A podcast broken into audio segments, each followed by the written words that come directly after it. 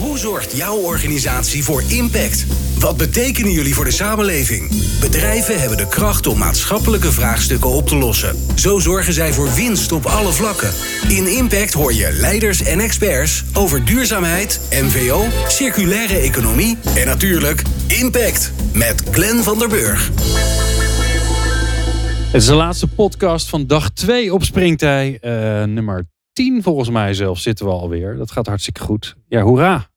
En dan mag gewoon iets enthousiaster zijn. En wie weet aan het eind van de dag moet je toch wat meer zijn. Hoera! Er is een klimaatakkoord. Door veel overleg, samenwerking, smoren van ruzies en water bij de wijn ontstaan. Maar transitie vraagt leiderschap en standvastigheid. Je moet keuzes maken die niet altijd gemakkelijk zijn in de route naar 2050. Stevig vasthouden aan de koers, maar bijsturen als er andere inzichten of innovaties zijn. Wat is er nodig voor deze megaklus voor Nederland? Ondertussen kijken we even of uh, Dumoulin de tijdrit heeft gewonnen. Nou, hij is wel in beeld. Maar hij is in beeld. Ik, kijk niet al te vrolijk. Dus oh, nou, dus, dat, dan, ja, dan kunnen we dan ook net zo goed mee ophouden, volgens mij.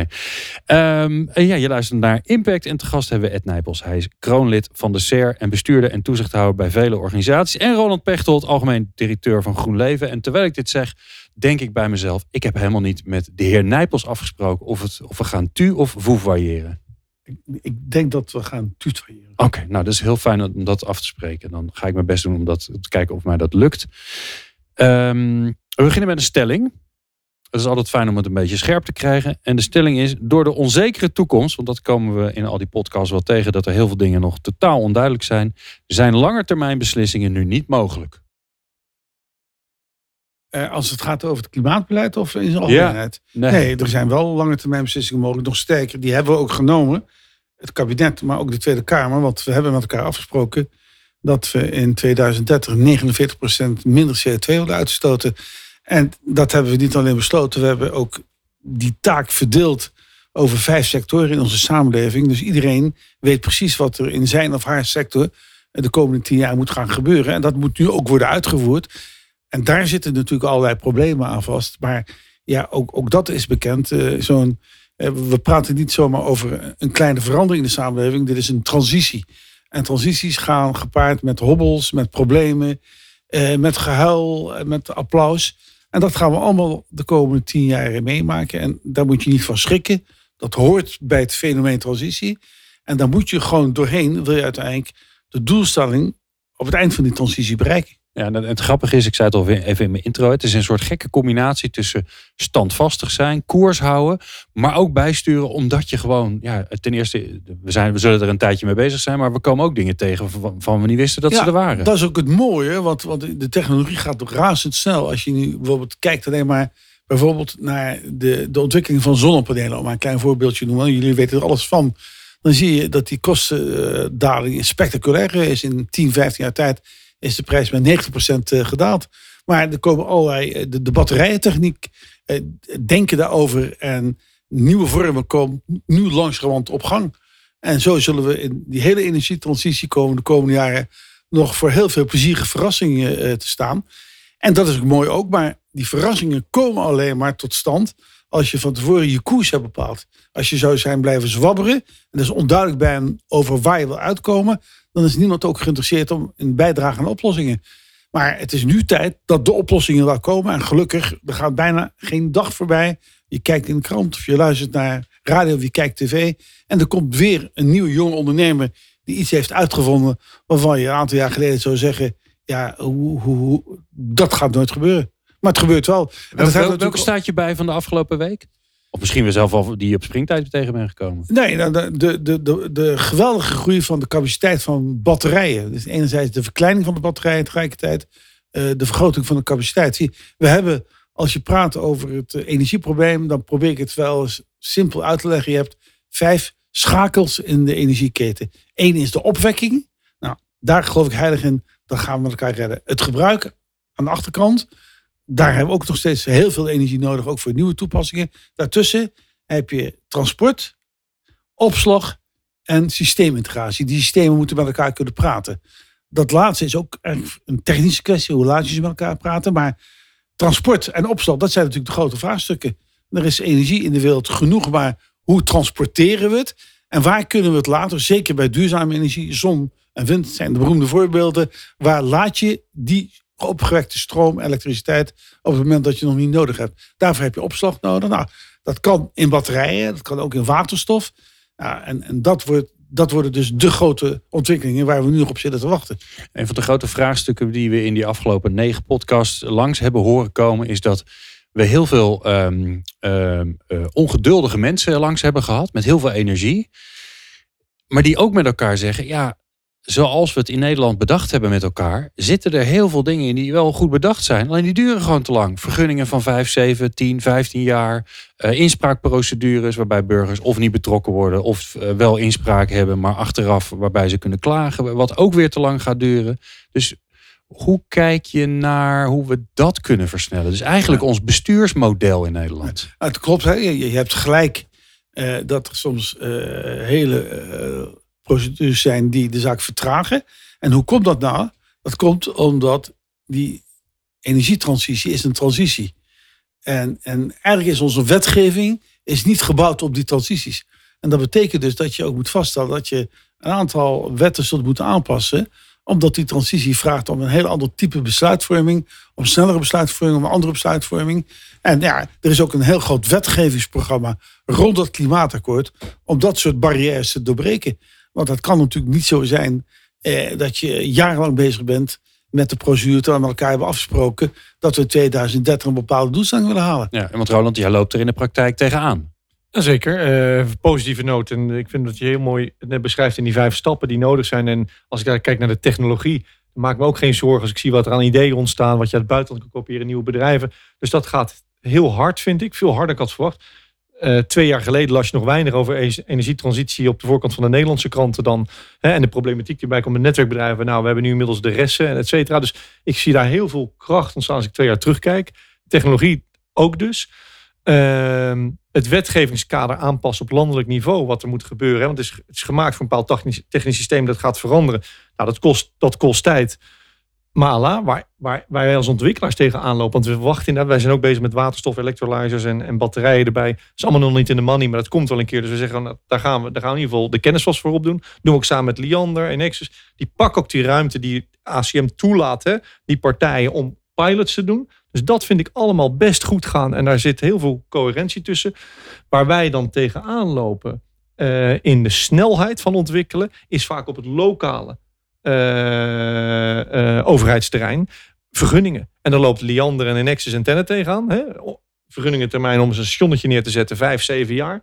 Nou, als je, als je kijkt, nee, pakt het Nederlands uh, het energieakkoord, je neemt het even heel plat, sla je, dan is het drie keer zoveel wind op land, tien keer zoveel zon op land, vijftig keer zoveel wind op zee. Hè? Dat moeten we over negen jaar hebben of tien jaar. Nou, mooi. Als je dan zegt, maar ik pak er de gemiddelde vergunningentermijn voor. Voor een transformatorhuisje, een, zon, een windpark. Nou, dat is bijna suicidaal. Hè? Dat, dat krijg je niet binnen tien jaar. Zon gaat nog wel oké. Okay. Uh, en ik pak dat op. Dat betekent, lang verhaal kort. Ik moet in de laatste drie jaar van die negen jaar, moet ik ongeveer... Moet je al het werk doen. Moet ik al het werk doen. En, je, en je hebt nu heel veel, meer, heel veel bureaucraten nodig. Ja, en dan weet je, dat vind ik altijd de ambtenaar af te doen als bureaucraten. Weet je, hè? Maar daar zit, een, daar, zit een, daar zit een groot verschil wat mij betreft tussen uh, het goede doen en iets fout doen. En of iets niet goed doen.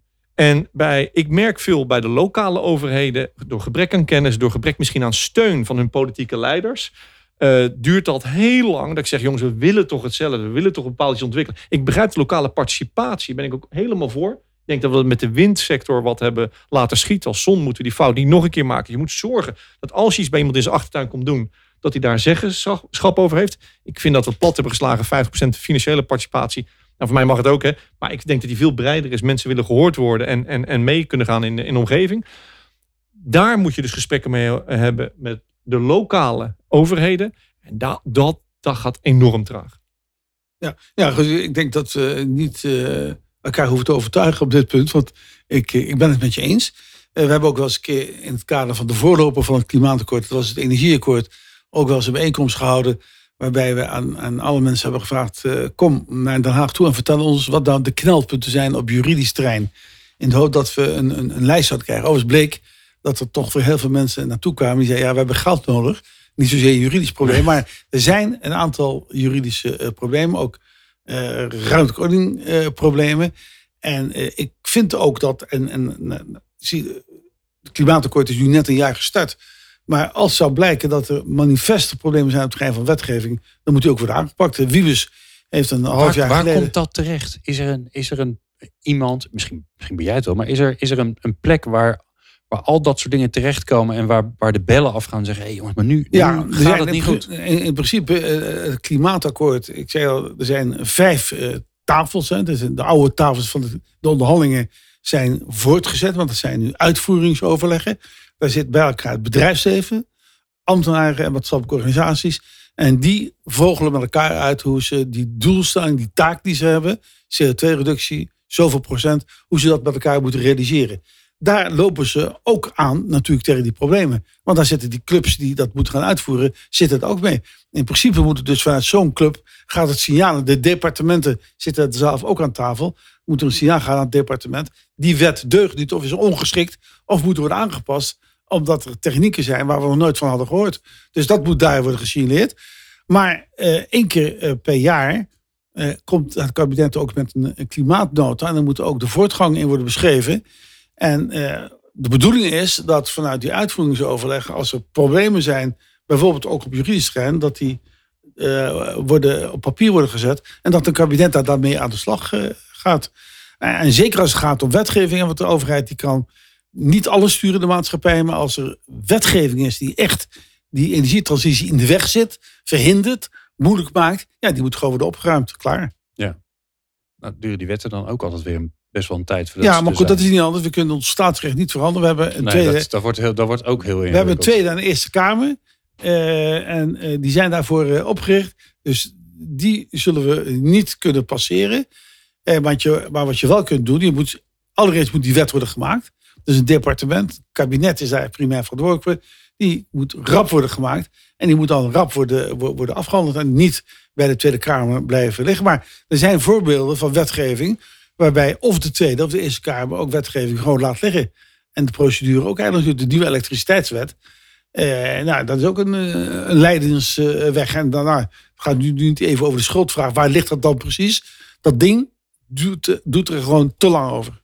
Oké. Nou, nou is er in, in een eerdere podcast, ik ben ondertussen kwijt wie het was, maar ik vond het een slim idee. Ik dacht, ik ga het deze weer even toetsen eh, bij, bij jou, Ed. Die zei, ja, met de Delta-werken hadden we een commissaris. eh, die daar verantwoordelijk voor was. Die aangesproken kon worden, maar waar, waar alles terecht komt. Moeten we zo iemand ook niet hebben voor eh, de Ja, het is energietransitie? een heel oud idee. al. Het is, eh, de, de wetenschappelijke raad voor het regeringsbeleid heeft dat vijf, zes jaar geleden wel geopperd. En eh, ik zal uitleggen waarom dat denk ik op energieterrein, klimaatterrein niet kan.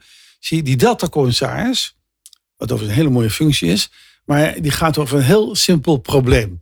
Wat is het probleem? Eh, we worden geconfronteerd met stijgend water. En dan kunnen er drie dingen gebeuren met de dijken. Of je maakt een nieuwe dijk, of je verbreedt hem, of je verhoogt hem. Nou, er zitten eh, wat maatschappelijke functies in de weg.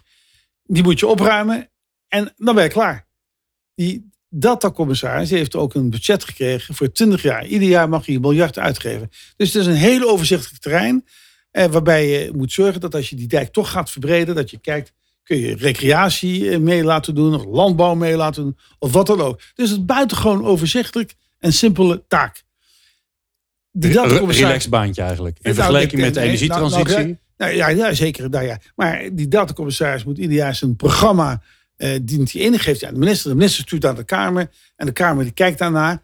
Maar, eh, en, en iedereen, als die datacommissaris langskomt, dan staat de burgemeester klaar met een bos bloemen. Want dat betekent altijd dat hij geld krijgt. En dat er, er moet iets met de dijk gebeuren. Maar tegelijkertijd wordt ook een ander probleem opgelost. Kortom, je kunt de, de, de, de, de taak van een datacommissaris, of wat die doet, kun je niet vergelijken met die energietransitie. Die energietransitie is een breed maatschappelijk proces waar ongeveer iedereen bij betrokken is, iedereen zich mee bemoeit, waar ook een heleboel problemen, financiële problemen aan vast zitten, transitieproblemen, gedrag van mensen.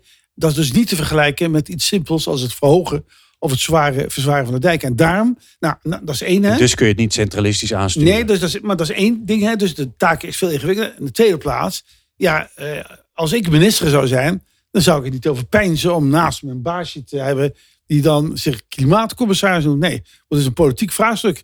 En bij uitstek zijn dat vraagstukken die ook waar de Kamer zich over moet uitspreken. En de datacommissaris is eigenlijk een complete apolitieke figuur. Nou, op het terrein van de energietransitie is, is alles politiek. En dat moet dus ook door een politicus worden aan. Je kunt wel zeggen, maar dat is heel iets anders. Ja, het moet strak worden gecoördineerd. Nou, daarvoor hebben we in ons land ook een directeur-generaal energie, klimaat, die dat allemaal voor de minister uh, coördineert. Ja, die spreken we morgenochtend ja, volgens mij. Hè? Ja. Nou, ja. vragen zijn we en, en dat doet hij ook goed trouwens. Nou, dat is mooi. Um, waar ik over zit te denken is, die energietransitie is een groot vraagstuk. Het gaat iedereen raken. Wat we heel hard nodig hebben met elkaar, is dat we heel Nederland meenemen. En laat het nou zo zijn dat onze uh, gedeputeerde van de provincie Groningen, die zit buiten uh, op het gras. Dus die nodig ik eigenlijk heel graag in de podcast uit. Uh, want die houdt zich daar ook mee bezig om te zorgen dat we die, dat we die burger erbij houden. Dat we de slimme ideeën van burgers horen. Maar ook zeker dat we ervoor zorgen dat burgers nog steeds vinden ja, dat dit iets is wat we met elkaar moeten willen. Want zoals je al zei, ja, het is, alles is hier politiek. En wat we niet moeten hebben, is dat we, is dat we onze eigen tegenstand gaan creëren. Ja, ondertussen is Nienke Homan aangeschoven. Fijn dat je er bent, Nienke. Ja, je zat net lekker buiten in het gras in de zon. Nou moet je weer in een bedompt hokje zitten met, met, met ons. Nou, maar je warm. bent bijzonder welkom. We gaan het over de burger hebben. Ja. Die hebben we heel hard nodig. Enerzijds omdat het iedereen aangaat. Anderzijds ook omdat we moeten zorgen dat, uh, ja, dat we de draagvlak blijven houden en, enzovoort. Hoe gaan we dat doen? Ja, dat is, uh, soms maak je een vraag heel groot en dan wordt het ook weer heel erg lastig voor de burger. Hè? Dus eigenlijk de, de kunst is ook gewoon om, om het een beetje kleiner te maken. Om het een beetje, ja, uh, een beetje te verbeelden, om te weten wat betekent dat nou voor mijn directe omgeving. Want anders dan vliegt iedereen in de hoogste boom en dan denken ze, oh, dan is het vast niet goed. Gaat het me geld kosten, bederft het mijn uitzicht. Dus maak het even praktisch. Ja. Wat betekent dat nou eigenlijk voor jou in jouw omgeving? Dus dat is volgens mij ook wel de opgave van de overheid, of van provincies of gemeenten. eh, om, om ook gewoon eerlijk te zijn en een beeld te schetsen. Roland? Ja, nee, en Nienke, je kwam net binnenlopen. We hadden een discussie over. eh, ehm, eh, nou ja, de, moeten we een energiecommissaris hebben versus Delta-commissaris? Nou, de conclusie was heel snel van het, als ik het zo mag samenvatten. Delta-commissaris is wat overzichtelijker dan eh, energie. Energie is heel politiek, dus het moet eigenlijk een politieke rol blijven. Daarvoor hadden we een klein exposé over het ontstaatsbestel hè, en staatsrechtelijk met de Eerste en Tweede Kamer. Dat wetten er natuurlijk bepaald doorheen gaan. Nou hebben we in maart komen de verkiezingen. En wat ik op eh, persoonlijke titel wat constateer is dat het natuurlijk heel erg gepolariseerd wordt. En dat het ik maak me grote zorgen dat als de klimaatdiscussie uit het midden weggaat en gepolariseerd wordt in voor en tegen en, en daarmee te simpel wordt gemaakt en de 50 tinten grijs worden overgeslagen. Nou, als je dan praat over participatie, dan is het ene kant inderdaad, vind ik ook lokaal. Merken wij in onze ontwikkeling mensen serieus nemen in omgeving hè, en mee laten praten over hoe het moet ontwikkelen. Maar hoe zorgen we nou voor dat dit eh, het, het grootste vraagstuk wat mij betreft voor onze samenleving wereldwijd, maar in Nederland, ons aan staat te staren dat dat niet gekaapt wordt. En ik zit hier met een politicus, twee eh, politica en een politicus. Ik ben geen politicus meer. Ben, meer. eh, Nou, hè? onafhankelijk voor. Hoe zorgen we dat dat niet gekaapt wordt nu richting de, de verkiezingen? En dat daardoor misschien vier jaar weer op slot zitten. Nou ja, even het woord kapen. Hè. Ik mag hopen dat er dit keer wel over het klimaatbeleid wordt gedebatteerd in, eh, tijdens eh, de Tweede Kamerverkiezing, de campagne. Want de vorige keer werd er niet over gedebatteerd. Toen heb ik ook gewaarschuwd als voorzitter van het energieakkoord, eh, de beeldspraak van de klimaatkonijn, zei dat die, dat konijn komt straks eh, op tafel te staan bij de onderhandelingen. En bij de onderhandelingen, toen werd voor het eerst duidelijk dat het ging over, eh, over vele miljarden. Dus ik mag hopen dat het nu wel een onderwerp is. Maar dan eh, hebben we in ieder geval de vastigheid van de klimaatwet, de 49 procent. Nou, dit kabinet zegt ook, we moeten eigenlijk toe naar 55 procent. Dus ik ga ervan uit dat dat gevoelens fressen is, om, om het in goed Nederlands eh, uit te, te drukken. En dat dat bij het eerste punt is bij de kabinetsformatie waar men ja tegen zegt. Maar dan zijn er vervolgens nog een heleboel Maar het klinkt ook alsof je er helemaal geen zorgen over maakt. nou, nou ik, ik ga ervan uit. Het is ondenkbaar. Hè? We hebben nu vier partijen in deze coalitie. Die hebben ja gezegd tegen het klimaatakkoord. De overgrote meerderheid van de Tweede Kamer. Die hebben ja gezegd ook tegen de klimaatwet. Dus aan die doelstellingen gaat men... eh, Wie hebben er nee gezegd? eh, Forum voor Democratie en PVV. Oké. Dat zijn de partijen die nee hebben gezegd tegen het klimaatakkoord. En ook tegen de klimaatwet. Dus ik ga ervan uit dat aan de doelstelling... dat die straks wordt verzwaard naar 55% Dat staat volgens mij nu al als een paal boven water. Maar er zijn nog een heleboel, daar hadden we het eerder over... een heleboel uitvoeringsproblemen. Eh, en daar moeten ook, denk ik, eh, in een regeerakkoord... toch weer extra maatregelen voor komen... om een aantal van die uitvoeringsproblemen op die, eh, op die op te lossen. Nou, ik noem de gebouwde omgeving. De, de, de, de politiek heeft voor zichzelf gezegd... nou, de aanpassing van die woningen voor huurders, maar ook voor, voor eigen woningbezitters, die moet woonlasten neutraal gaan gebeuren. Nou, wat nu blijkt is dat dat principe, waar iedereen voor is, well, ja, dat is nogal gemakkelijk om daarvoor te zijn, dat dat uh, heel lastig is om dat in de praktijk te realiseren. Ja, want dat betekent wel dat iemand de rekening moet betalen. Iedereen, ja, maar, maar, die gewoon niet. Nee, maar die rekening die, die kun je in een aantal gevallen ook terugverdienen. Maar wat nu blijkt, niet in alle gevallen en ook niet snel genoeg. Dus dat betekent dat daar de overheid, en dat doet de overheid nu ook met een aantal experimenten om te kijken hoe die wonen, dat, heet, dat project heet de startmotor. Hè? Er zijn tienduizenden woningen die nu worden aangepakt. Is 100 miljoen voor uitgetrokken om te kijken hoe dat in de praktijk gaat. Maar we weten nu al dat als je dat massaal wil uitrollen, dat programma, en dat zijn woningbouwcorporaties, aannemers, installateurs en overheden die dat bij elkaar doen, dan zul je toch meer geld nodig hebben. Ja. Maar ik denk, hè, want ik hoor heel veel dingen die natuurlijk helemaal kloppen. Maar als je dit gesprek met de gemiddelde Groninger aangaat, dan, dan vliegt hij boven in de, in de boom. Hè? Want eigenlijk, eh, als ik ook met mijn vader bijvoorbeeld spreek en ik zeg: je, je huis moet uh, woonlasten uh, energie-neutraal worden gemaakt, dan denkt hij: oh help, waar begin ik? En als ik gewoon zeg, nou je moet vanaf nu af aan zorgen dat alles goed geïsoleerd is, dat je zonnepanelen krijgt en nog twee andere stappen. Nou, dat is overzichtelijk. Dus volgens mij moeten we, uh, ik denk dat iedereen daar wel wat aan bij wil dragen. Maar hou het wel een beetje nou ja, te behapstukken. En aan de andere kant zorg dat niet de politiek overal over gaat. Hè. Dat, je moet niet het beeld krijgen dat je vanuit Den Haag weet wat er in Blijham gebeurt. Want dat is nou helemaal niet zo. Maar het grote punt, hè, eh, bijvoorbeeld als we even doorgaan over die gebouwde omgeving, is dat die burger moet worden ontzorgd. Eh, dat betekent dat, dat de, de woningbouwcorporatie of, of, of een aannemer of een installateur of de gemeente, die moet zorgen dat die burger eigenlijk alleen maar een beslissing hoeft te nemen, dat je het complete plaatje voorgelegd krijgt. En, en dat is waar het op dit moment uh, aan ontbreekt. Want als die burger te horen krijgt, nou mevrouw of meneer, dat en dat moet er aan uw huis gebeuren. Dat gaat zoveel kosten. Op deze wijze kan het worden gefinancierd. We trekken, dat kunt u terugbetalen met uw elektriciteitsrekening. En u verdient binnen 4, 5, 7 of 10 jaar verdient u terug dan kan een burger zo'n handtekening zetten. Uh, en daar moet je dus, Zo simpel moet het eigenlijk worden. Nou, het centrale woord is eh, ontzorg. Dat betekent uh, de burger die het niet allemaal begrijpt en ook niet allemaal kan begrijpen, die moet je helpen bij die beslissing. En dan hoorden we vandaag uh, een verhaal over een woningcorporatie. Die zeiden, die hadden precies dat gedaan. En die hadden alles, alles uitgerekend en iedereen ontzorgd. 70% van het hele uh, flatgebouw, denk ik dat het was, appartementencomplex, moest hier ja zeggen, want anders konden ze niet beginnen. En tegen alle redelijkheid, argumentatie, rationaliteit in zegt een belangrijk gedeelte, te groot gedeelte van het complex nee. Want het is een woningcorporatie, die zijn niet te vertrouwen. Dat is eigenlijk de overheid. En dus wordt er toch nee gezet. En het is heel onoverzichtelijk. Wat gaat mij overkomen? Is natuurlijk wel, ik zie wel een overeenkomst tussen de versterking in Groningen van alle huizen door de aardbevingen ja, je, je, schiet gewoon spontaan in de stress als je dat overzicht niet hebt. En heel veel mensen hebben, nou, ze vinden de verandering al spannend. Het, de energietransitie, verduurzamen, grote woorden. Dus dat is al heel spannend. En dan weten ze ook niet precies hoe het eruit komt te zien. Ja, nou ja, de eerste reactie is dan, uh, laat eerst mijn buurman het maar doen. En dan ga ik wel kijken hoe het daar ging. En dan ga ik misschien. Dus in, toch wel, ik snap dat vanuit kosteneffectiviteit moeten we het echt grootschalig aanpakken. Maar ik denk dat het een illusie is om te denken dat iedereen hele grote stappen in één keer kan bevatten. Ja, maar ik vind overigens wel dat die 70% regel dat die zou moeten worden aangepast.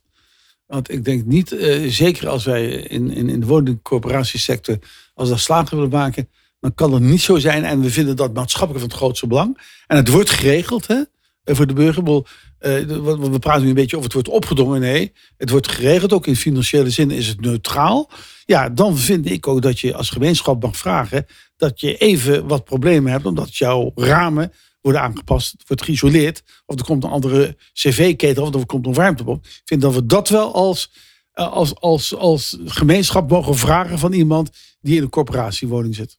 Eens, Nienke? Um, ja, nou ja, ik, ik kijk eh, gewoon vanuit een afstandje bekeken, denk ik ja. Maar in de werkelijkheid, uh, en als je dan gewoon op straat loopt, zie ik wel dat mensen gewoon het nog niet begrijpen. En ik, dat vind ik wel een zorgpunt. Hè? Als je niet helemaal weet hoe het eruit komt te zien. Nee, maar dan is het aan die woningbouwcorporatie. Want we praten nu even over het simpele voorbeeld van een woningbouwcorporatie. Ja. Eh, waar die de mensen moeten overtuigen. Nou, dan ben ik het mee eens. Dan moet het liggen aan de voorlichting. Maar je kunt het ook aan die mensen duidelijk maken. Eh, en je moet dan wel het, echte verhaal vertellen. Eh, dit en dat gaan we nu woning doen. En dit en dat zijn de financiële gevolgen. U heeft er verder geen last van. Ja, dan heb je nog altijd mensen, en, en dat is ook begrijpelijk, die zeggen, ja, ik vertrouw die overheid niet. Ja. Woningbouwcoöperatie Geen is voor hen ook overheid, is niet hun woningbouwvereniging, maar die van, van, van, van de vijand. Ja. Ja, ja da- daar moet je soms, moet je dan, eh, Ja. hoe zuur het ook is, een knoop Maar ik- Maar, maar ik ik vind het- wel mooi, hè? Want, want ehm, ehm, als we het over, over, over deze thema's hebben, dan zijn het altijd be- eh, of doemverhalen of hele positieve verhalen. Er, er gaan ook Spaanders vallen. Mhm. Er gaan ook verliezers zijn. Er gaan ook mensen iets moeten doen wat ze niet willen doen. Er gaan ook belastingen komen waar mensen niet vrolijk van worden.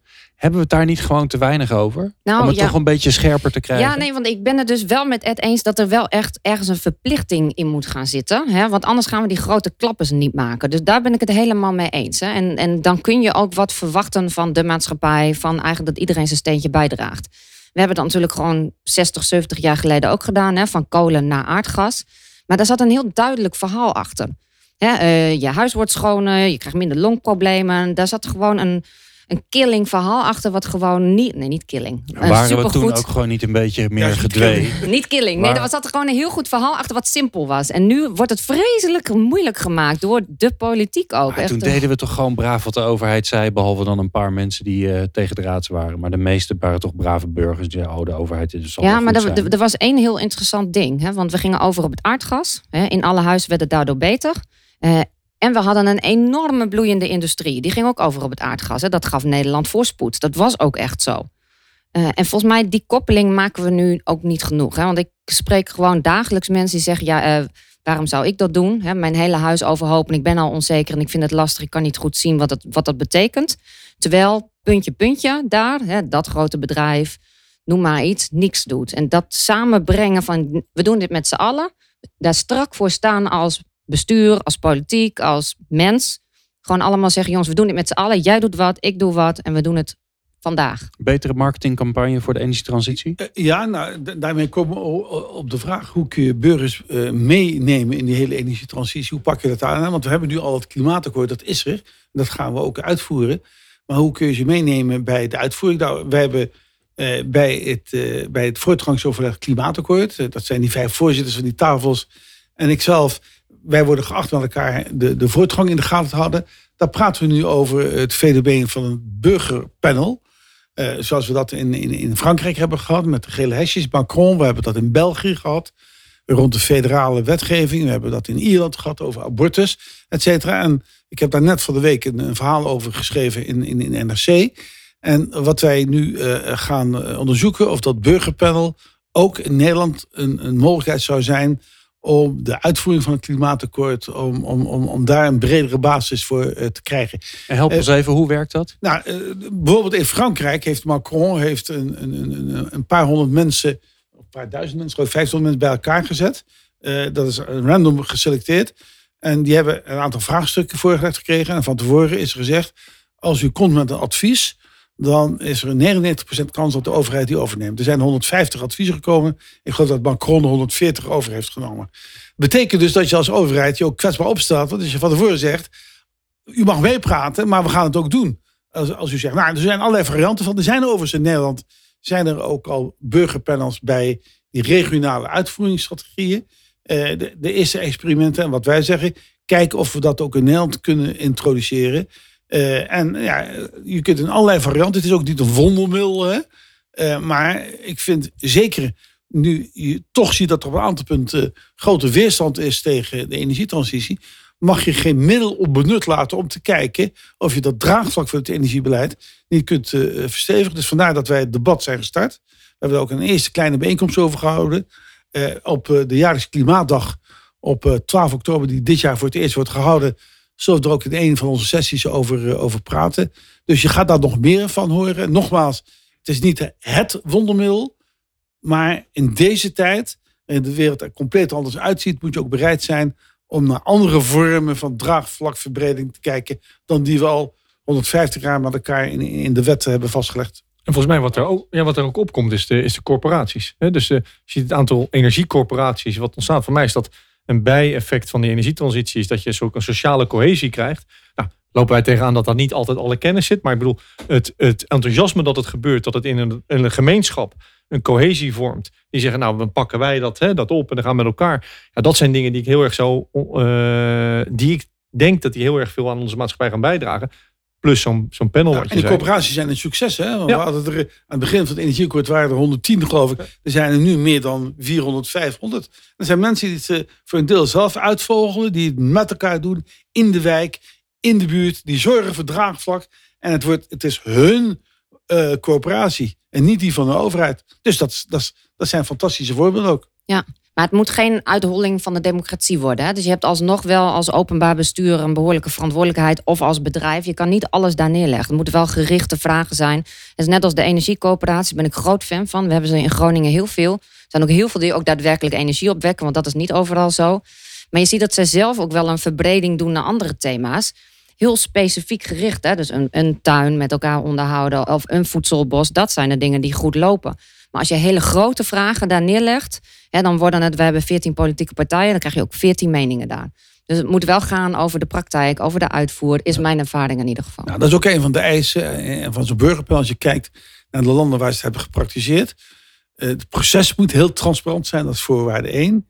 Eh, Twee, je moet de vraagstelling, maar dat gaat ook voor, voor een referendum.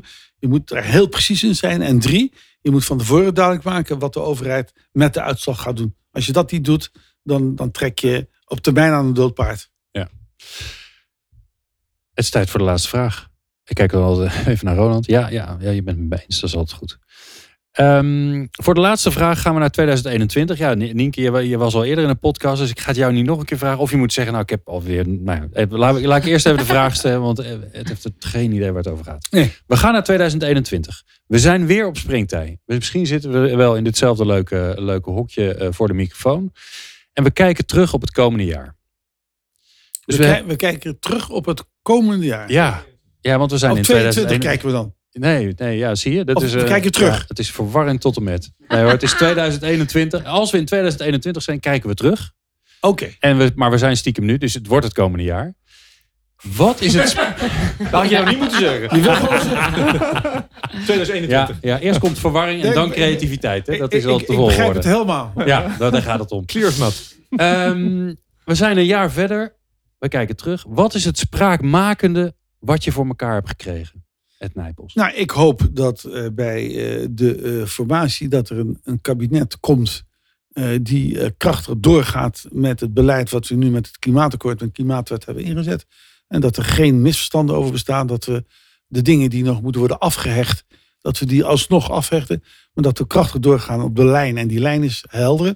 We zijn onderdeel van het akkoord van Parijs. We willen die doelstelling 2050 halen. Daarvoor past dat we in 2030 eh, dat we eh, die forse stap hebben gezet. En dat betekent overigens dan geen 49% meer, maar de 55% eh, waar Timmermans nu over praat. Die overigens ook in het regeerakkoord stond als een mogelijkheid als meer landen meedoen. Dus op naar die 55% en aan de slag met de uitvoering. En accepteren ook dat er tegenvallers zijn. Dus niet onmiddellijk in de, elkaar in de put praten, chagrijnig doen. Nee, er komen tegenvallers, er komen meevallers.